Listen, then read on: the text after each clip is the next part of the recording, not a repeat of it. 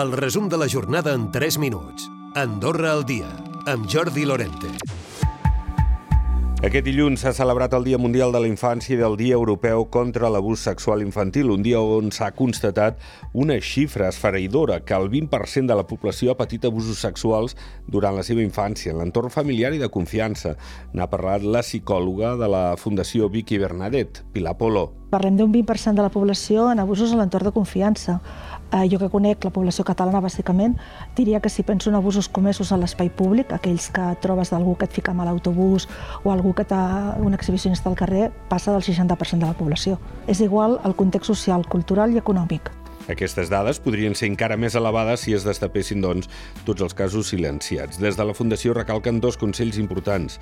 D'una banda, reforçar a nivell de sexoafectivitat i també al voltant del consentiment i de l'altra, crear més espais de debat i de diàleg. El vicepresident de l'Associació de Propietaris de Béns Immobles, l'Artur Oms, ha parlat sobre la problemàtica de l'habitatge. Ha assenyalat els comuns com una peça clau de la solució. Artur Oms. Hi ha molt marge de maniobra i nosaltres ho hem dit i portem molt de temps zero. Però dintre d'aquest marge de maniobra sempre ens oblidem de l'actor més important, els comuns. Els comuns juguen un paper crucial. I on estan els comuns? Amagats en una cova. Han sortit els comuns? No. Les cartes que han enviat molts propietaris als llogaters desnonant-los són il·legals i es poden denunciar a la justícia si es demostra que hi ha hagut mala fe. N'ha parlat el síndic general, Carles Ensenyat.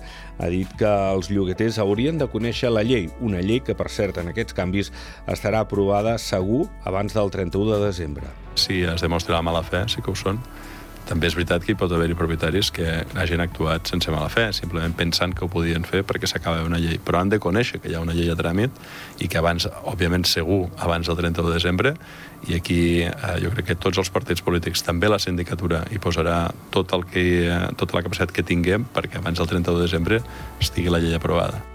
La CAS preveu un pressupost equilibrat de despeses i ingressos de més de 400 milions d'euros per a l'any que ve. És un 9,2% més que el d'enguany. Aquesta xifra inclou sobretot les cotitzacions, però també les transferències del govern. La societat parapública ha reiterat la necessitat de fer reformes urgents del sistema de pensions perquè continuï sent viable i la població resident ha augmentat respecte de fa un any. A l'octubre eren 84.516 persones, un 4,3% més que el mateix mes de l'any passat, un creixement que es concentra sobretot a les parròquies d'Andorra la Vella, en canvi Canillo, que destaca percentualment. També les parròquies que han rebut menys residents són Ordino i Sant Julià.